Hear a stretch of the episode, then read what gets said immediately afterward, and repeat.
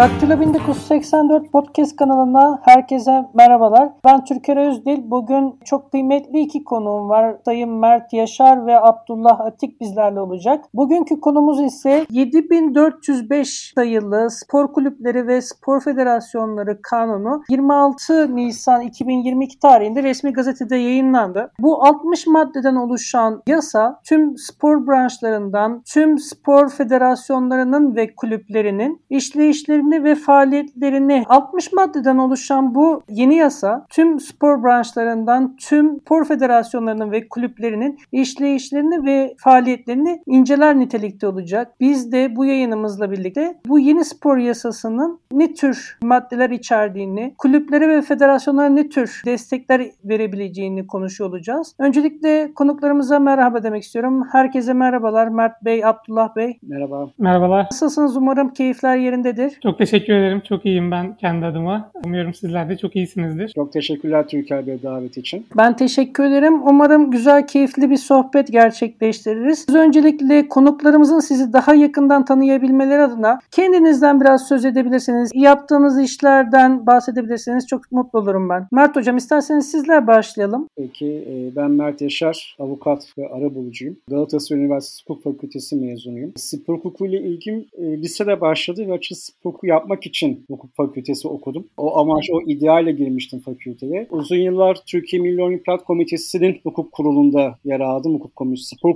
Komisyonu'nda. Türkiye Milli Paralimpik Komitesi'nde ise bir dönem Spor Hukuku Komisyonu Başkanlığını yürüttüm. Şu anda da hem Türkiye Futbol Federasyonu ve Spor Bakanlığı Tahkim Kurulu önünde vekillik yapıyorum, danışmanlık yapıyorum. KAS önünde yapılan başvurular, savunmalara danışmanlık yapıyorum. Yani tamamen spor hukukuna vakfetmiş. Bir yandan da sonra Kadir Has Üniversitesi'nde spor hukuku üzerine ders veriyorum. Evet hocam. Abdullah istersen seninle devam edelim. Tabii. Avukat Abdullah Atik, e, Marmara Üniversitesi Hukuk Fakültesinden mezunum. Küçüklüğümde büyüyünce icra etmek istediğim iki meslek vardı. Birincisi çok sevmemden ötürü futbolcu olmak. İkincisi de annemin mesleği itibariyle adliyede büyüdüğümden avukat olmak olmaktı. Futbolcu olamayınca futbol ve takip ettiğim sporlarla ilgilenen bir avukat olmak istedim. Ben de fakülteye giriş yıllarımdan beri karar çevirileriyle başladığım spor hukuku ile bağlantılı olarak avukatlık mesleği icra etmenin e, mutluluğunu yaşıyorum. Halen stajımı yaptığım e, Levent Bıçakçı Hukuk Bürosu'nda avukat olarak çalışmalarımı sürdürmekteyim. Benim tüm çalışmalarım spor hukuku değil, ağırlıklı olarak disiplin uyuşmazlıklarıyla karşılaşsak da başta futbol olmak üzere çeşitli spor dallarının çeşitli uyuşmazlık ve süreçlerinde çalışmalar gerçekleştiriyorum. Buradan da görmüş oluyoruz ki gerçekten konuları itibariyle iki konuğumuzda gerçekten spor hukuku konusunda uzman kişiler. Dolayısıyla bu yapacağımız program neticesinde de en verimli görüşleri, düşüncelerini onlardan almış olacağız. İsterseniz şöyle devam edelim, soru cevapla devam edelim. 7405 numaralı spor kulüpleri ve federasyonları kanununu bir öyküsünü yapacak olursak bunu nasıl yapabiliriz? Bu süreç nasıl başladı? Kimlerle neler konuşuldu? Bu sürecin ihtiyaç duyulan noktaları neler oldu? Çünkü biz biliyoruz ki kanun içerisinde bazı eksiklikler vardı ve bu eksikliklerin giderilmesi için bu yeni kanun çıkartıldı. Bu eksiklikler nasıl tespit edildi? Kanun boşluklarının giderilmesi için ne tür maddeler konulmaya çalışıldı? Bu süreci biraz birlikte işleyelim isterseniz. Mert Hocam isterseniz bu öyküleştirme sürecini geriye sararak sizinle başlayalım. Bu süreç nasıl başladı hocam? Bu süreç Suat Kılıç eski spor bakanı, geçmiş spor bakanı Suat Kılıç döneminde başladı. Suat Kılıç hatta o toplantıda ben de vardım. Bir taslak hazırladılar ki o zaman daha demokrattı AKP. Tüm kurumları o taslak gönderildi. İşte ben de Milli Olimpiyat Komitesi'ndeydim o zaman. Ve Suat Kılıç büyük bir toplantı düzenledi Ankara'da, bakanlıkta. Ve o zaman şöyle demişti. Ya bu kanun çıkacak veya benim kellem gidecek demişti. Onun kellesi gitti. Akif Çağatay Kılıç'tı galiba. Onun zamanında devam etti. Osman Aşkın Bak döneminde devam etti. İşte şu anda aktif bakanımız zamanında kanunlaştı. Yani 3 bakan eskitti, bir bakan döneminde çıktı. Asıl sorun kulüplerin aşırı borçlanmasıydı. Aslında spor federasyonu düzenlenmemiş ilk tasarıda. Sadece spor kulüpleri düzenlenmişti. Hatta çok radikal düzenlemeler vardı orada. Mesela benim yürekten desteklediğim bir düzenleme vardı. Bu kanunda yok. Şey deniyordu kulüp yöneticilerinin kulüplere sağladığı maddi menfaatler bağışlama kabul edilir diyordu. Yani kulübün başkanlara borçlanmasının önüne geçiyordu o kanun tasarısı. Ama tabii kulüpler buna karşı çıktılar. Kulüpler Birliği dahil oldu sürece ve onlar baya bir hükmü attılar. Sonra yeni bir kurul oluşturuldu, komisyon oluşturuldu. Kulüpler Birliği yine aktifti orada. Ama ne oldu ne bitti bilmiyoruz. Son dönemeçte işte Alpay Özalan, Saffet Sancaklı dahil oldu sürece. Ki mesela herkes o ikisinin aslında lider olduğunu düşünüyor ama dediğim gibi Suat Kılıç zamanında başlayan bir süreç bu. E bu eski futbolcu, milletvekili dahil oldular. Süreç hızlandı ve kanun yasalaştı. Ama şunu söyleyeyim mesela şu an itirazlar var. Yani Kulüpler Birliği hatırlarsınız açıklama yapmıştı meclise geldikten hemen sonra işte biz dahil olmadık falan diye bu doğru değil. Yani Kulüpler Birliği sürecin başından beri dahildi. Hatta kendileri gölge bir meclis oluşturdular neredeyse. Onlar da kanun teklifi metni hazırladılar. TFF bir metin hazırladı mesela.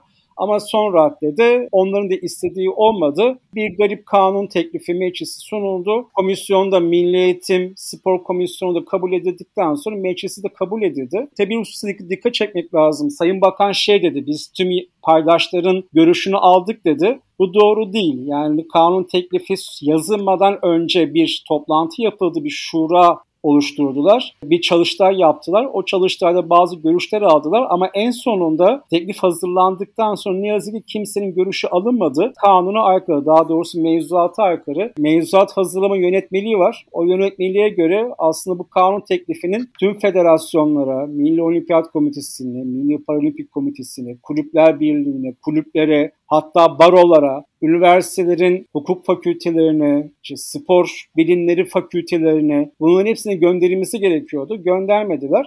Yani biz görüş aldık deselerle o görüşler aslında kanun teklifi yazılmadan önce alındı. Oluştuktan sonra kimseden görüş alınmadan yani meclise geldi ve şey de var tabii mesela CHP şu anda biz bayağı bir hükmü değiştirdik diyor. Bu da doğru değil. Yani komisyon tutanaklarını okuduğumuz zaman, meclis genel kurulu tutanaklarını okuduğumuz zaman CHP'nin öyle aman aman bir değişiklik getirdiği yok. Hatta tüm değişiklikler tüm partilerin grup başkanının ortak imzasıyla yapılmış. O yüzden bu kanunu okurken bir yandan da gerçekten şey şeyi okumak lazım. Yani kanun teklifini, komisyon tutanağını ve son olarak tabii ki de genel kurul tutanağını. Çok ilginç düzenlemeler var burada. Tarihi bu şekilde değil mi? Suat Kılıç'tan itibaren yaklaşık 10 senelik, 11 senelik bir geçmişi var bak bu kanun teklifinin. Abdullah'a söz vermek istiyorum. Abdullah peki yeni yasa ne tür yasal boşlukları ortadan kaldıracak? Bu yasanın yürürlüğe girmesiyle kulüpler ve federasyonlar ne tür faydalar edinecek? Birkaç ekleme yapmak isterim izninle. Tabii çok uzun süredir konuşulan e, bir yasa belki hani 10-11 sürelik bir taslak hazırlama süreci mevcuttur. Fakat daha da öncesinden de konuşulduğunu hatırlıyorum. Çok da bundan sonra da konuşulacağı benziyor. Bir ihtiyaç var mıydı sorusuna çok net olarak bir ihtiyaç olduğunu da düşünüyorum. Yani hem dağınık mevzuat hem spordaki sorunlarımızın çok ayyuka çıkması sebebiyle bence ihtiyaç da vardı.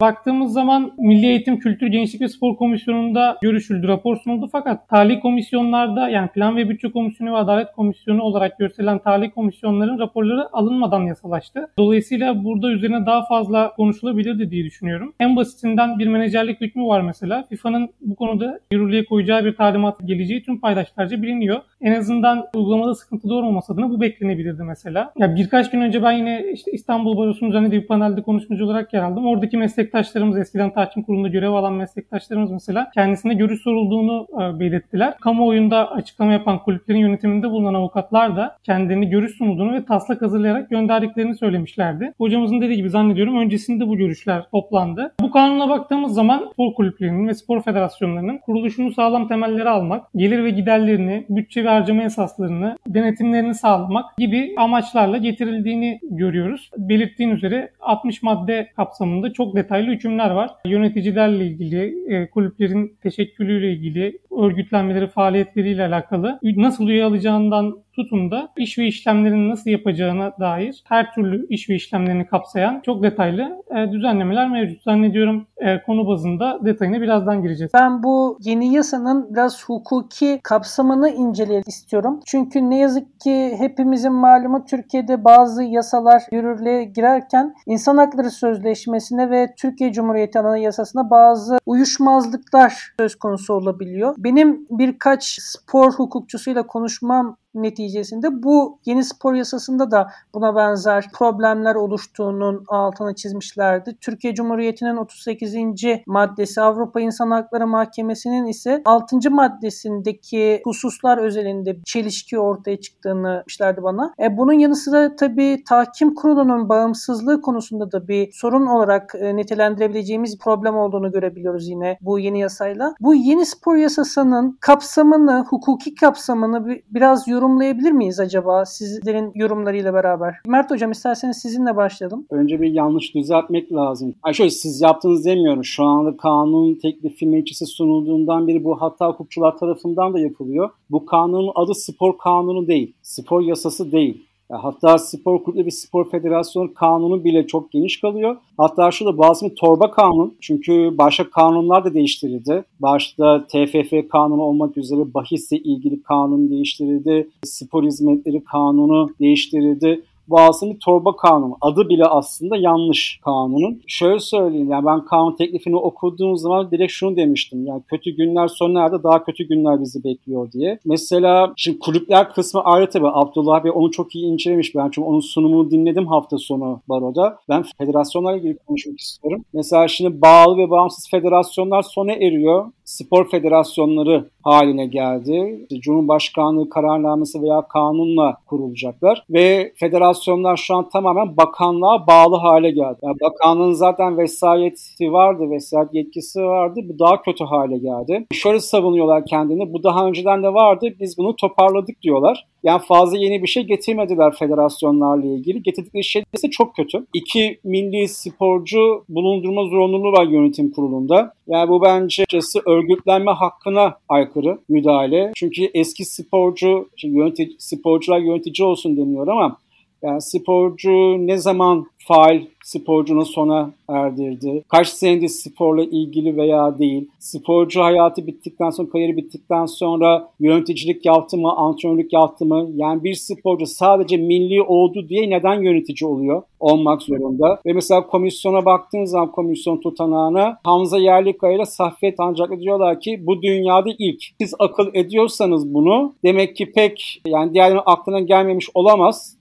Demek ki bunda iyi bir şey görmemişler ki dünyada hiçbir ülkede bu tür bir düzenleme yok. Ve şöyle savunuyorlar eski sporcularımız federasyonları girsinler ki oradan uluslararası federasyona görev alabilsinler. Yani şimdi dil bilmeyen, sporla ilgisi olmayan kişileri neden uluslararası federasyonlar alsınlar ki bünyeleri? Yani bu şey aslında ya ben mesela buna dersinde Hamza Yerlikaya düzenlemesi dedim. O da biliyorsunuz banka yönetim kuruluna atanmıştı. Burada da yine belki uzun zamandır sporla ilgisi olmayan kişileri federasyonlara koyacaklar. E, bu anlamda yanlış düzenleme. Mesela en fazla 3 dönem başkanlık getiriliyor Türker Bey. Daha önceden devlet denetleme kurulunun bir raporu vardı. Bağımsız federasyonlarla ilgili. Bu federasyonlardaki usulsüzlükler, yolsuzluklar bunun hepsini raporlamıştı kurul. Ve kurulun sitesinde bu rapora erişilebiliyordu. O raporu kaldırmışlar. O raporu ben indirmiştim tabii ki ve orada mesela bakanlığın da dahil olduğu usulsüzlükler yazılmış ve öneriler getirilmiş. O önerilerin hiçbirisi bu kanuna konmamış. Çünkü orada federasyonun gerçekten özelleşmesinden bahsediliyor.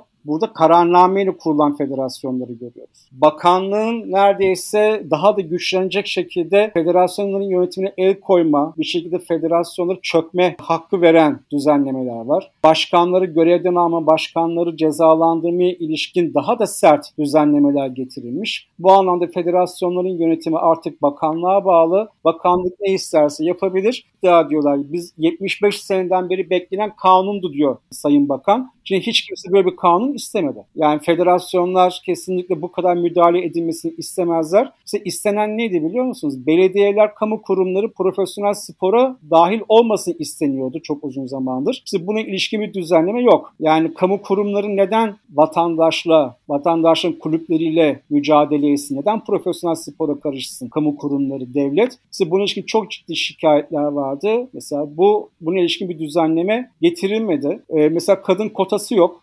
O çok büyük şikayet. Yani federasyon yönetimlerinde kadın yok. Kurullarında buna ilişkin düzenlemeler yok. Engellerle ilişkin düzenlemeler yok. Sporcu hakları, antrenör hakları ile ilgili düzenlemeler yok. Yani yok da yok gerçekten. Antrenörlerle ilgili düzenlemeler yok ve şunu yapmışlar. Kanunla bir çerçeve çizmişler. Geri kalanı bakanlık yönetmeliklerle düzenleyecek diyor. Şimdi kanunda öngörmediğiniz konularda bakanlığa yetki veremezsiniz. Yani o anda ciddi sakatlık olacak. Yani bakanlığın yönetmeliği aslında 5 unsur açısından da sakat olacak. Her şeyi yönetmek, düzenlemek için bir çerçeve kanun hazırlamışlar. Ve şunu da görüyoruz. Mesela bakanlık yetkilileri şu an federasyonlarda görev alıyor. Buna futbolda dahil. Mesela bakanlık görevleri, bakanlık yetkilileri, üst düzey yöneticiler federasyonda görev aldığı zaman federasyonları kim denetleyecek? Denetlenseler bile bu kamu görevlerine ceza verilebilecek mi? Usulsüzlük tespit edildiği zaman. Ya bu usulsüzlükler raporlanacak mı?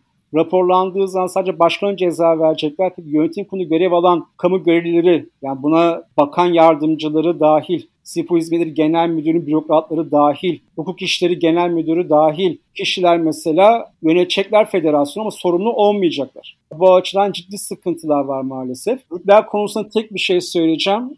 Siz çok güzel söylediniz İnsan Hakları Sözleşmesi'ni. Şimdi orada hem adil yargılanma hakkı hem de örgütlenme hakkına müdahale var. Mesela Abdullah Bey tabii o bayağı bir dolu çünkü onu gördüm ben. O zaten söyler. Mesela şu anda işte federasyonlar, federasyon disiplin kurulları, tahkim kurullarının verdiği cezalarla insanların kulüplerde yönetim kurulu üyeliği ve diğer kurulu üyeliği düşüyor. Şimdi bir idari kararla kulüpleri müdahale ediyorsunuz ama sıkıntı şu bu idari kararların yargı denetimi yok Türkiye'de. Yargı denetimi olsa evet deriz. Yani kesinleşir, yargıya başvurulur, yargı başvuruyu reddeder ve ne olur? Sizin üyeliğiniz düşer. Ama burada yargı denetimine tabi olmayan kurulların verdiği kararlarla kulüp üyelerinin aslında işte yönetim ve diğer kurulların üyelerinin ilgili kurul üyelikleri düşüyor. Daha sonra da sadece genel kurul üyelikleri devam ediyor. Bir daha tekrar görev alamıyorlar ilgili kurullarda. Çok ciddi bir hukuka aykırı müdahale. E geri kalan konu zaman Abdullah Bey söyler kulüplerle ilgili ama federasyonlar kısmı gerçekten sıkıntı çok eksik var. Umarım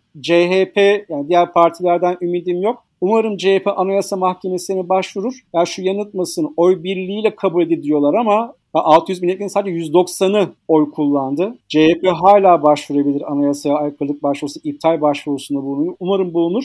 Yani en az 12-13 maddenin iptal edilmesi lazım kanunda. Bu noktada sözü Abdullah teslim ederken ben küçük bir soru eklemesi yapacağım. Mert hocamız gerçekten federasyonların statülendirilmesi, kanun çerçevesindeki statülendirilmesi ve işleyişleriyle alakalı bu yeni yasanın kapsamını açıkladı. Abdullah Bey de şimdi kulüpler özelinde bir açıklama gerçekleştirecek. Peki Abdullah Bey bu yeni spor yasasındaki uyuşmazlıklarla beraber yeni bakanlık değişti. İçişleri Bakanlığı'na bağlıydı. Dernekler statüsündeki kulüplerimiz İçişleri Bakanlığı'na bağlıydı ve şimdi yeni yasayla beraber Gençlik Spor Bakanlığı'na bağlı olacaklar. Peki bu kulüplerimizin Gençlik Spor Bakanlığı'na bağlı olmasıyla beraber hukuksal statülerinde bir değişiklik olacak mı? Şirketleşme süreçlerinde karşılaşacağı zorunluluk söz konusu olabilecek mi? Dernekten şirketleşmesi mecbur bırakılacak mı? Yoksa her iki statüye sahip olabilecek bir yapıya mı kavuşacaklar? Bu konudaki açıklamanızı merakla bekliyor olacağım. Şimdi son sorunla başlayayım o zaman. Şöyle federasyonlara bu hususta bir takdir etkisi verilmiş. Yani normal şartlar altında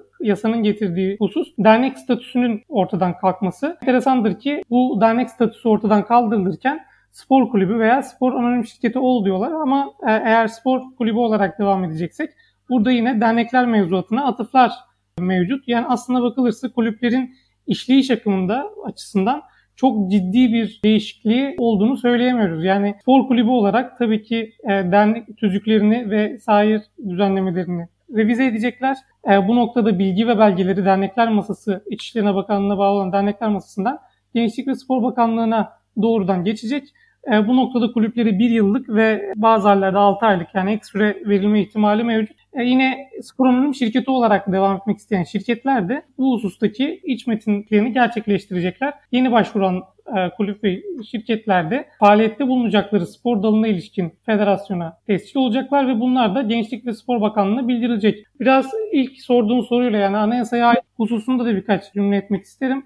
Şimdi çok kısa olarak Anayasa Mahkemesi'ne aykırılık nasıl iddia edilebiliyor? Anayasa Mahkemesi soyut norm denetimi somut norm denetimi olmak üzere iki denetim mekanizması çalıştırabiliyor. Bunlardan ilki kanunun e, resmi gazetede yürürlüğe girdikten 60 gün içerisinde eğer esasına ilişkin bir inceleme yapılacaksa 60 gün içerisinde TBMM'deki en fazla üyeyi sahip iki siyasi parti grubu ve yine meclisteki üye tam sayısının en az 5'te bir tutarındaki üyeler anayasaya aykırı gördükleri maddelerin iptali için Anayasa Mahkemesi'ne başvurabiliyorlar. Bir diğer yolda somut norm denetimi denediğimiz bir uyuşmazlığın tarafları veya hakim uyuşmazlığa uygulanacak kuralların anayasaya aykırılığını ciddi bulması durumunda anayasa mahkemesine başvurarak bu incelemeyi gerçekleştiriyorlar. Bugün itibariyle yapılan herhangi bir başvuru yok.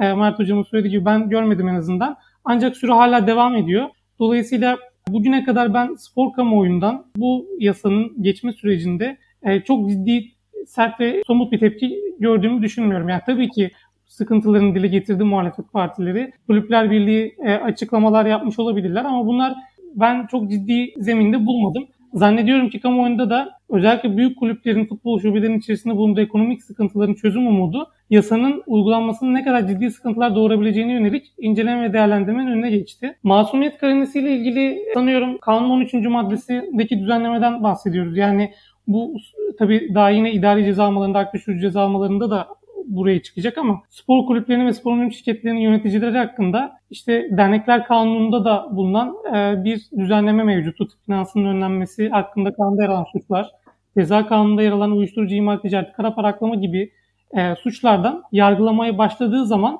bu kişilerin tedbiren görevden uzaklaştırılabilecekleri düzenlenmiş. Benim bu noktadaki çekincem, şimdi tabii biraz önce belirttiğim gibi dernekler kanununda da bu düzenleme vardı aslında ama sorun tüm çerçevesinin çizilmeye çalışıldığı bir yasada doğrudan bunu buraya koyunca tabii bu soru işaretleri gündeme geldi. Şimdi bu tedbir ve geçici bir görevden uzaklaştırma olarak düzenlenmişse de bizim hukukumuzda maalesef tutuklama tedbiri mesela e, bir ceza gibi kullanılabildiğini görüyoruz. Dolayısıyla aslında kanun tüm çerçevesinde e, eleştirel yaklaşımların biraz niyetten de kaynaklandığını düşünüyorum. Yani maalesef bizim şu an hukukumuz güven vermediği için e, Avrupa İnsan Hakları Mahkemesi'nin çeşitli kararlarına tam bir riayet içerisinde olmadığımız için toplumun genelinde hukuka ve adalete güven sarsıldığı için yasaya konan diğer ülkelerin korkağında ve diğer maddelerindeki hükümler de konsa buna tepki vermemiz çok doğal oluyor. E, ve, ve bir de kanun düzenlenme amacına ek olarak getirilen bir takım maddeleri, takım ciddi denetimleri, yaptırımları, görevden uzaklaştırmalı gibi hapis cezası gibi ekstra hususlar karşımıza çıktığında tabii bu noktada gelen eleştirileri de mesnetsiz olarak anlamlandıramıyoruz. Tahkim Kurulu açısından da e, Ali Rıza ve diğerleri kararları başta olmak üzere çok sayıda dosya Avrupa İnsan Hakları Mahkemesi'ne ihlal kararıyla sonuçlandı. Tahkim Kurulu'na bağımsız ve tarafsız olmadığını ifade etti. Bu Mert Hocamız da çok e, yakından takip ediyor. Hatta emeği e, çok olduğunu biliyorum. Bize zaman zaman derslerde de çok bahsederdi daha karar çıkmadan. TFF statüsü değişmişti biliyorsunuz genel kurulda. Bir aday komisyonu belirlediler ve sonra bunları genel kurulda işte seçimle gerçekleştireceği yönünde bir değişiklik yapıldı. Fakat kanunla tekrar yönetim kurulunun hiçbir mekanizma olmadan tahkim kuruluna üye ataması durumunu görüyoruz. Geri dönülmüş buraya. E bu zaten şekli e, anlamda tahkim kurulunun bağımsız ve tarafsız olmadığını bize baştan anlatmış oluyor. Yani eğer mutlaka yönetim kuruluna bir aktiflik verilecekse bu atamalar en azından ya genel kurulda oylamaya sunulmalı ya da bu atanan üyeler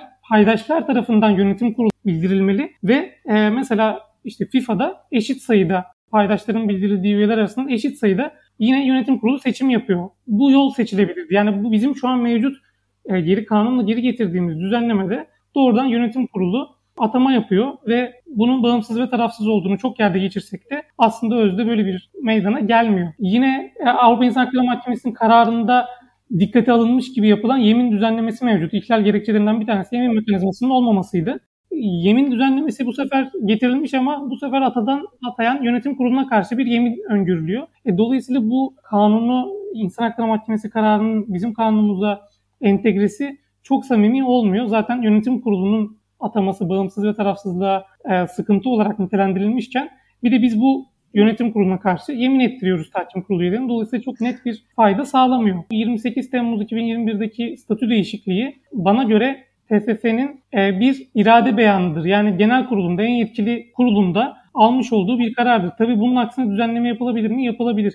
İçeriğinden bağımsız olarak doğrudan bir kanunla genel kurulun yakın tarihte almış olduğu bir kararı aday belirleme usulünü değiştirmek FIFA tarafından bence muhatabı olan Türkiye Futbol Federasyonu'nun e, iradesine ters bir düzenleme, hukuki düzenlemeyle ters bir ortam yaratılması olarak yorumlanabilir. Bu belki biraz zorlama bir yorum da olabilir ama böyle bir yorum tehlikesi halinde de yaptırım doğduğunu düşünüyorum. Akabinde şu soruyu yöneltmek istiyorum. Yani şimdi sohbetimizin geri kalan kısmında federasyonları ve kulüplere e, açısından değerlendirdik bu yasayı. Peki ama bundan sonra sporcularımız özelinde değerlendirecek olursak, sporcu temsilcileri özelinde ve spor kulüpleri yöneticileri özelinde değerlendirecek olursak yeni yasayla beraber bu aktörlerin sorumlulukları neler olacak? Mesela Mert hocamız az önce bahsetmişti. Yönetim kurulunda en az iki tane faal sporculuğunu sonlandırmış milli sporcunun olması gerektiğini belirtmişti. Buna benzer e, sporcu menajerleri,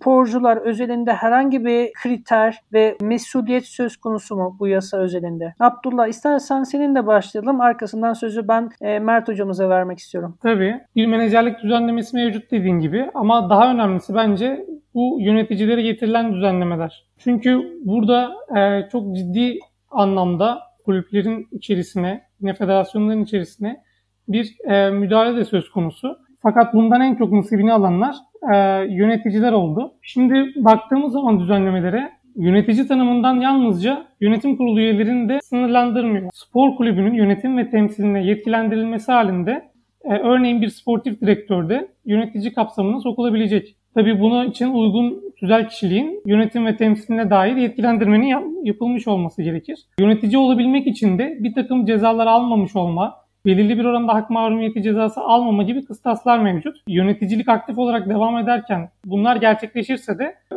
yöneticilik vasfı sona eriyor veya uzaklaştırılabiliyor. Yöneticileri en çok zorlayacak hususlar yasanın bütçeye ilişkin hükümleri ve bunlara aykırılık halinde verilen ceza maddeleri olacak bana göre. Ee, biliyorsunuz kulüplerin her dönem çığ gibi büyüyen bir borç sarmalı var. Başa geldiğinde nakit akışını sağlayabilmek adına ya kulübe borç para veriyordu ya da kulübün 5-10 sene sonra elde edeceği yayın transfer gibi bir takım gelirleri temlik ediyordu, devrediyordu ve ön, parasını önceden alarak nakit akışını sağlamaya çalışıyordu. Kazak olaylı aynen öyle. 20. madde incelediğimiz zaman alacakların temlikini yalnızca kendi döneminde doğacak veya vadesi gelecek alacaklar için %25 oranında tutarında gerçekleştirilebileceğini görüyoruz. Yani bir önceki hesap dönemine bakılacak tutar ne kadarsa bunun %25'ini alacağız. Eğer bunu arttırmak istiyorlarsa bunun için ciddi nisaplarda e, olumlu oy alması gerekecek. Eğer üye ya da sermayenin 1 bölü 3'ü katılım gerekiyor ve katılanların da 3 bölü 4'ünün olumlu oyu gerekiyor.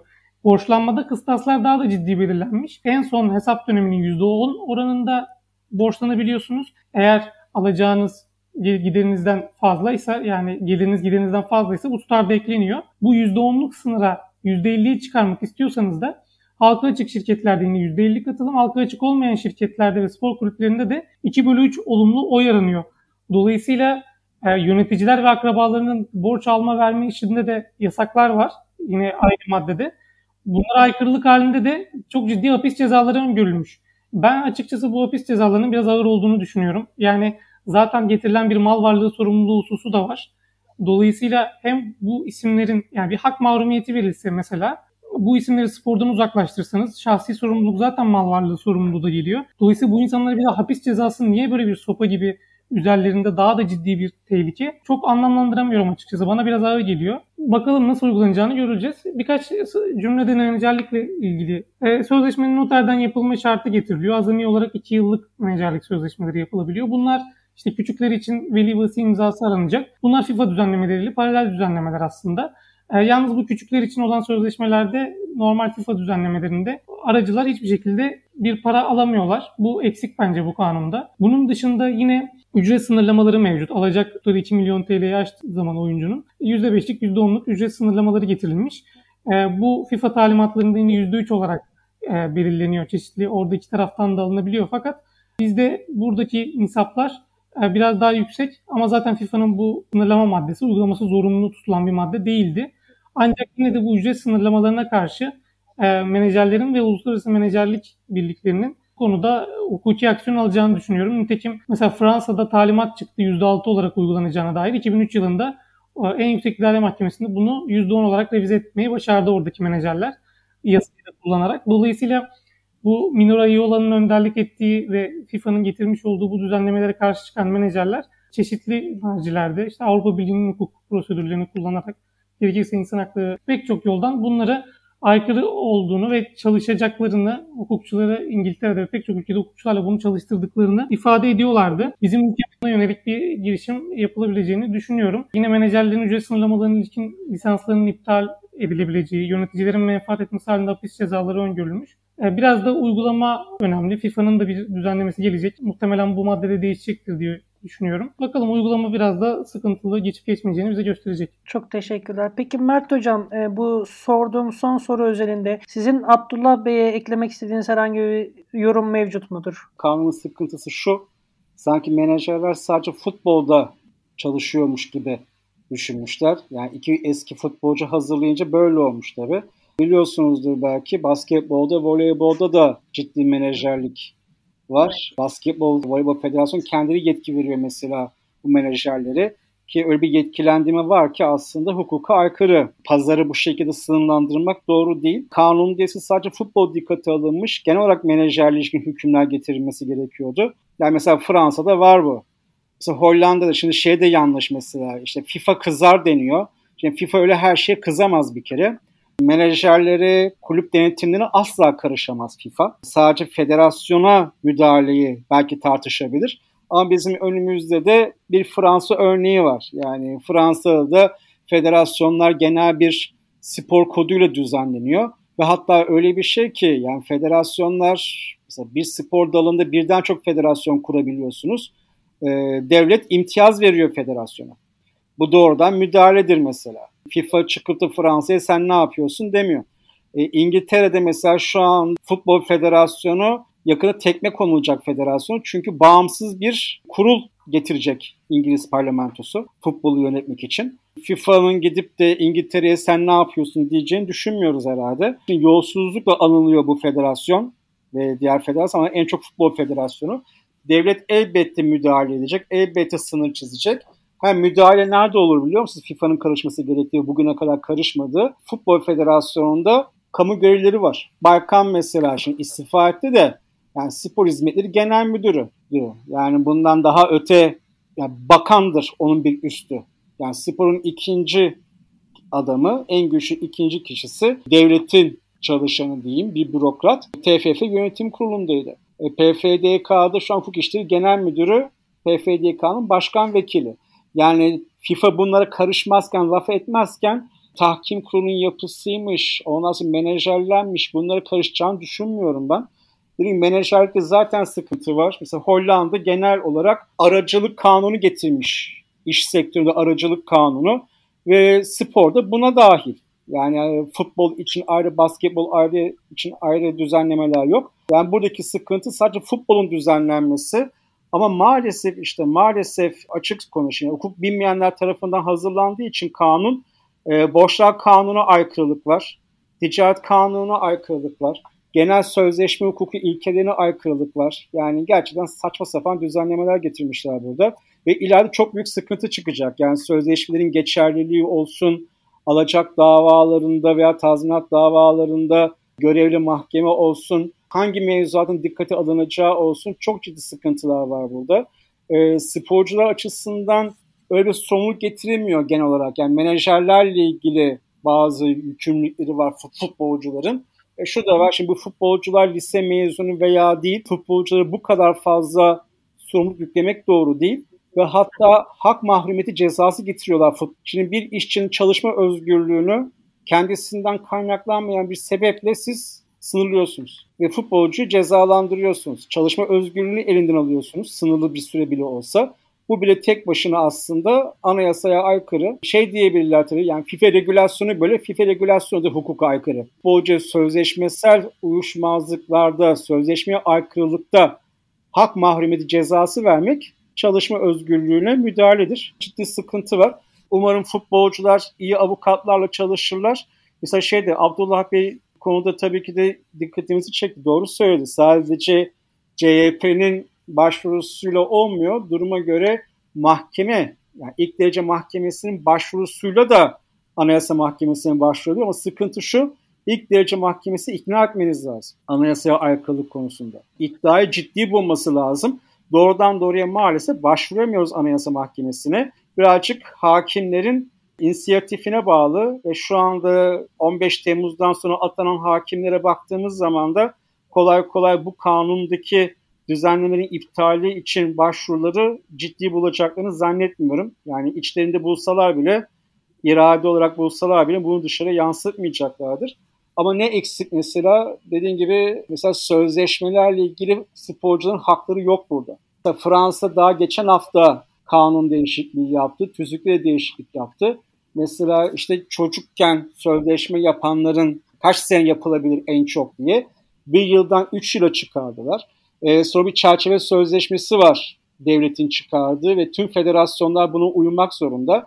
E, öyle bir çerçeve sözleşme yok Türkiye'de. Bu kanunda da öngörülmemiş. Bakanlığa da böyle bir görev verilmemiş. Bu anlamda e, sporculara yönelik maalesef iyi şeyler yok. Antrenör hakları yükümlülükleri zaten yok. Yöneticiler konusunda ise evet birazcık abartılar. Ama ben hapis cezasını doğru buluyorum. Çok sert çok yüksek olmamak kaydıyla. Çünkü mal varlığıyla sorumluluk bir yere kadar korkutur yöneticileri. Parasını veririz, yaparız diyebilirler. O yüzden hapis cezası verilmesi doğru, hapis cezası öngörülmesi doğru. O uygulama zaten şöyle olacak. İki yılın altında ceza verecekler. Orada da hükmün açıklanmasının geriye bırakılması kararı verecekler. Erteleyecekler. Bunun uygulaması bu şekilde olacak. Yani yöneticiler de pek o kadar korkmasın yani. Bir şey önemli. Kulüp burada e, hükümete yakın mı değil mi? Yani AK Parti'ye yakınsa zaten ceza almaz yöneticiler. Ama eğer bir CHP belediyesi mesela, bir CHP belediye spor böyle bir sorun yaşarsa o yöneticilere Allah kolaylık versin gerçekten. Çünkü ya gerçekten çünkü bakanlar öyle bir yetki verilmiş bakın burada objektif kriterler yok. Bakanlık istediğini mahveder, istediğini görmez. Mesela bir düzenleme var. Diyor ki bu sahte federasyonlarla ilgili, korsan federasyonlarla ilgili. Yani birileri çıkıp federasyonmuş gibi hareket ederse ihbar falan değil. Ya ilgili sporu düzenleyen asıl federasyon veya bakanlığın şikayeti ile soruşturma açılabilecek. Yani ben mesela vatandaş olarak, siz vatandaş olarak Aa işte mesela işte Ayak Tenisi Federasyonu bu usule uygun kurulmadı ki bu aslında korsan federasyon deyip yönetici rakın soruşturma açtıramazsınız. Yani ihbar etseniz senin ihbarın işe yaramaz deyip e, hiçbir işlem yapılmaz. İşte bakanlık da mesela kendisine yakın kişilerin kurduğu federasyonlara ses çıkarmayacak. Ama mesela siz ben böyle ilgili bir federasyon kurarsak eğer bakanlık bizim yargılanmamızı isteyebilir. Çünkü yapabilir, edebilir diyor kanun. Şikayet eder demiyor mesela. Çok fazla taklit yetkisi tanınmış bakanlığa. E, ve son olarak da şunu söyleyeyim. Yani sert düzenlemeler var da bakanlıkla ilgili sert düzenlemeler. Yani bakanlık görevini yerine getirmezse ne olacak? Bakan, müfettişler görevini yerine getirmezse ne olacak? Yani görevi ihmal, görevi kötüye kullanmadan soruşturma açtırtabilecek miyiz? Deniyor bakın, gerekçede deniyor ki biz kulüplerin şeffaflığını sağlıyoruz diyor. Şimdi kulüpler özel hukuk tüzel kişileri ve bunun özel hayatı da var. Yani tüzel kişinin de özel hayatı vardır. Buna ilişkin İnsan Mahkemesi'nin çok fazla kararı var. Sizin asıl şeffaf hale getirmeniz gereken federasyonlardır. Ve federasyonlarda şeffaflık yok şu anda. Bu kanun da sağlamadı şeffaflığı. Daha da sıkılaştı sistem ne yazık ki. Korunması gereken kişiler korunmuyor. Kulüp yöneticilerin ise çok fazla sorumluluğu var, çok fazla ceza tehdidi var. Ama federasyon yöneticileri ve bakanlık için bakanlık yetkili için bu tür ceza tehditleri yok mu? Ya zaten şöyle de bir problem. Mad e, yasanın en son maddesi olarak e, Cumhurbaşkanlığı denetiminde olduğu ibaresi geçiyor. Burada da zaten bakanlığın e, ne kadar tolere edilebileceği hepimiz öngörebiliyoruz muhtemelen. Dolayısıyla bakanlığın sahip olduğu yükümlülüklerde bu noktada çok e, net bir şekilde belirtilmemiş yasada gördüğümüz kadarıyla. Sizlerin bahsettiğiniz ölçekte ben şöyle bir çıkarsayım yapabiliyorum. Gerçekten spor branşları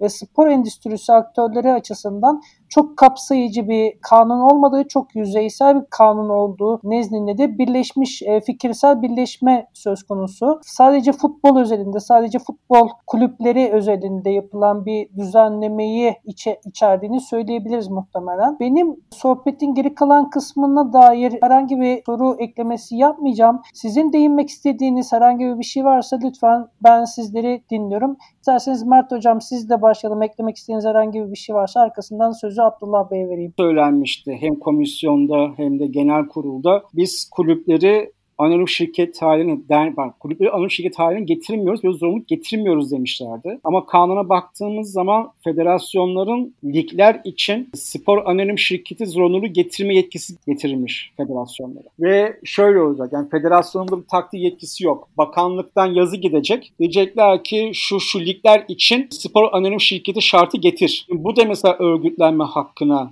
ciddi müdahale. Bir de 1 milyon lirayla kuruluyor bakın. Asgari sermayesinin 1 milyon lira olması lazım anonim şirketin.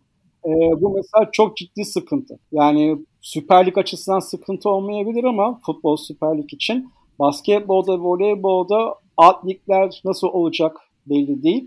Ve mesela kanunda profesyonel amatör ayrımı var. Ama profesyonel dalların ne olduğu belli değil. Hangi dallar profesyonel, hangi kulüpler profesyonel. Bu belli değil. Çok büyük sıkıntı çıkacak burada. İşte yani son söz keşke bu kanunu hazırlarken, teklif hazırlarken çünkü Hukuk İşleri Genel Müdürlüğü bunun içindeydi. Yani komisyonda da kanunu, teklifi Hukuk İşleri Genel Müdürü savundu zaten. Keşke bu kanunu hazırlarken yönetmelik de hazırlasalardı. Kanun yayınlandıktan bir gün sonra yönetmelikler de yayınlansaydı ne olduğunu görseydik. Bir ay geçti. Hala ne olduğu belli değil. Yönetmelik yok ortada. Mesela ben disiplin hukuku çalışıyorum. Abdullah Bey de çalışıyor. Yani kanun şey diyor mesela. Yani fiilleri, disiplin suçlarını bakanlık belirler diyor. Nerede? Yok yönetmelik şu anda. Yani yönetmelik çıkana kadar tamam herkes kendi talimatını uygulayacak da yani birisi bir aynı fiile bir ay ceza veriyor. Bir diğeri 3 yıldan başlıyor. Yani federasyon arasında bu tür bir düzensizlik, bu tür bir senkronizasyon eksikliği varken sıkıntıyı da görmüş bakanlık. Tamam güzel bir düzenleme belki bu. Bence tartışılı ben katılmıyorum ayrı da. Keşke de çıkarsaydınız da keyfinizi beklemeseydik. O yüzden kaos devam ediyor. Bakanlığın işte maalesef keyfini bekleyeceğiz şimdi. Allah bilir kaç ay sonra çıkacak o yönetmelikler. Yok yıl sürmez. Yıl sürmez de sonuçta bir ay, iki ay bile fark ediyor. Mesela bir örnek vereyim. Yelken Federasyonu mesela 6 aydan 3 yıla kadar men cezası veriyordu. Biz itiraz ettik. Şu an hala davamız devam ediyor. 2 hafta önce yönetmeliği değiştirdi. Bakın 6 aydan 3 yıla kadar olan şey 1 aydan 1 yıla indi. Şimdi bu çok ciddi bir fark bakın tamam mı? Gerçekten federasyonların keyfine göre yaşıyor insanlar. Ve düşünün yani 6 aydan 3 seneye kadar ceza, 1 sene ceza verseler 5 sene boyunca o kişi başkanlığa aday falan olamıyor. Yani bu kadar farklılık varken, bakanlık bunun farkındayken dediğim gibi keşke keşke her şey hazır bir şekilde kanun çıksaydı. Hemen arkasından da ikinci mevzuatı çıksaydı biz de güzel güzel işimize baksaydık. Şimdi her gün resmi gazetede yönetmelik kovalıyor. Çok teşekkür ederim davet için tekrar. Ben de çok teşekkür ederim eklemeleriniz için. Abdullah Bey isterseniz sizin eklemelerinizle devam edelim. Çok enteresandır ki mesela yasa koyucu aynı olmasına rağmen 33. Ee, maddeye bakıyorum disiplin kurullarını düzenleyen maddeye. Orada çok pardon 32. maddede şunu söylüyor. Yani disiplin kurulu üyeleri genel kurul tarafından seçilen üyelerden oluşur diyor. Burada üyeleri genel kurulun seçtiğini görüyoruz. Tahkim kurulu düzenlemesine bakıyoruz. Aynı kanunda bu sefer futbolu düzenlerken orada yönetim kurulu atıyor. Yine mesela bu disiplin kurullarında hukukçu olma şartı aranmamış. Yani 10 tane üye var 5 asil ve 5 yedek olmak üzere bunlar hukukçu olacağına dair bir ibare yok. Yine tahkim kurulu düzenlemesine bakıyoruz. Orada en az 10 yıllık mesleki tecrübe arıyor hukukçu olmasında. Şimdi bir federasyonun disiplin kurulunda yer alan üye spor dalına göre mi belirleniyor? Yani spor dalına göre hukukçu olup olmaması önem mi teşkil ediyor? Yelkene bakanlığı, futbola bakan mesela. Yani çok bu dolayısıyla anlamsız buluyorum bu şeyleri de. Bir de hocamın söylediği e, bu spor şirketi olma yükümlülüğüyle ilgili olarak 14. maddesinin 3. fıkrasına baktığım zaman ben bu yetkinin federasyonlarda olduğunu görüyorum. Yok federasyonların yetkisinde de olacak şu. Ben çünkü bakanlığı yakından bildiğim için bakanlıktan yazı gidecek bunu bu, bu şekilde yapın diye. Yani federasyon evet karar alacak da evet karar federasyon yetkisinde de futbol dışında diyeyim muhakkak yazı gidecek bakanlık. Hep bu şekilde yürüyor çünkü. Kendi dış kendi kafalarına göre kanunda etkisi olmasına rağmen karar alamaz diyorsunuz. Kendi başlığının kendi iradeyle karar bakanlıktan izin olacak ya biz bunu böyle düşünüyoruz diye veya bakanlıktan yazı gidecek. Ne kadar davalısınız federasyonlarla bakanlıkla bilmiyorum. Yani bakanlık iç yazışmalı da ben çünkü içeriden aldığım için genelde bazı federasyonlardan hatta özel yazı bile gidebiliyor. Bakıyorsunuz federasyon iki gün sonra karar veriyor o konuyla. Yani bir de genel sekreterler genelde zaten bakanlık tarafından atanıyor biliyorsunuz. Genel sekreterler asıl yürütüyor bu işleri. Uygulamada diyeyim. Evet kanunda federasyonlar yetkili ama uygulamada bakanlıktan şey gelecek. Emir demeyeyim ama bakanlık hadi bu ligleri bu ligler için şirket zorunluluğu getirin diye e, bir direktif gelecek. Ben hocam bu diğer ülkelerin mevzuatını incelediğim zaman bu yasa tasarısı yasa taslağı çıktığında mesela Fransa'da da bunun olduğunu gördüm. Yani bunun amacı zannediyorum oradaki düzenlemelerde şunu söylüyorlardı. Belirli bir kaliteyi ulaşmak ve belirli bir yani mesela Premier Lig modeline baktığımız zaman orada da mesela kendi içlerinde karar veriyorlar. Transfer edilecek oyuncunun epey detaylı niteliklerine kadar birbirlerine müdahale etmiş oluyor. Tabii ki organizasyon orada şirkete kendi iç bağımsız mekanizması var. Fakat bu düzenlemeyi ben aslında faydalı buluyordum şahsi kanaatim. Çünkü özellikle en üst spor müsabakalarında böyle bir sermaye şartı bugün çoğu kulüp zaten Süper Lig'deki tüm kulüplerin bir maçta iki maçta kazandığı para bunlar. Futbol üzerinde konuşursak. Diğer branşlar açısından çok voleybol ve basketbol için geleceğini düşünmüyorum ama tabii bu konuda da yorum farklılıkları olabilir. Şahsi kanaatim dediğim gibi bence ihtiyaç vardı. Geç bile kalındı. Bir mevzuatın olması sorun değil ama işte bu noktada işin içerisinde tabii e, konuşmamın başında ifade ettiğim gibi ülkenin içerisinde bulunduğu güvensizlik ve hukuki ortam da etki ediyor, sirayet ediyor. Hangi metin gelirse gelsin çok eleştirel yaklaşımlar olacaktı. Ama zaten mevcut durumun üzerine böyle bir taslak böyle bir metin daha doğrusu yasalaştı gelince pek de bir eleştirel yaklaşımlar olabiliyor. Ben çok teşekkür ediyorum e, beni konuk olarak davet ettiğin için. Dinleyiciler de umarım eğlenmişlerdir. Onları da ilgilerinden ve sabırlarından ötürü teşekkür ediyorum. E, saygılarımı sunuyorum. Katkılarınızdan dolayı ben gerçekten çok teşekkür ederim. Çok keyifli ve e, yararlı olduğunu düşünüyorum. Umarım kamu yetkilileri de sizin altını çizdiğiniz eksiklikleri giderebilecek düzenlemeleri gerçekten hayata geçirebilirler, başvuruları yapabilirler. Bizim temennimiz en ideal, en iyi, en efektif kanunun, yasanın e, yürürlüğe girerek federasyonların, kulüplerin, oyuncuların ve tüm spor endüstrisi aktörlerinin faaliyetlerini en ideal şekilde yürütebilmelerini temenni ediyoruz. Bu noktada da bir sonraki programımızda da yine bu spor yasasının, yeni spor yasasının ekonomik, endüstriyel ve yönetimsel fonksiyonlarını ele alıyor olacağız. Planlarından, podcast kanalından burada olacağız. Hepinize çok teşekkür ederim tekrardan. Görüşmek üzere. Hoşçakalın.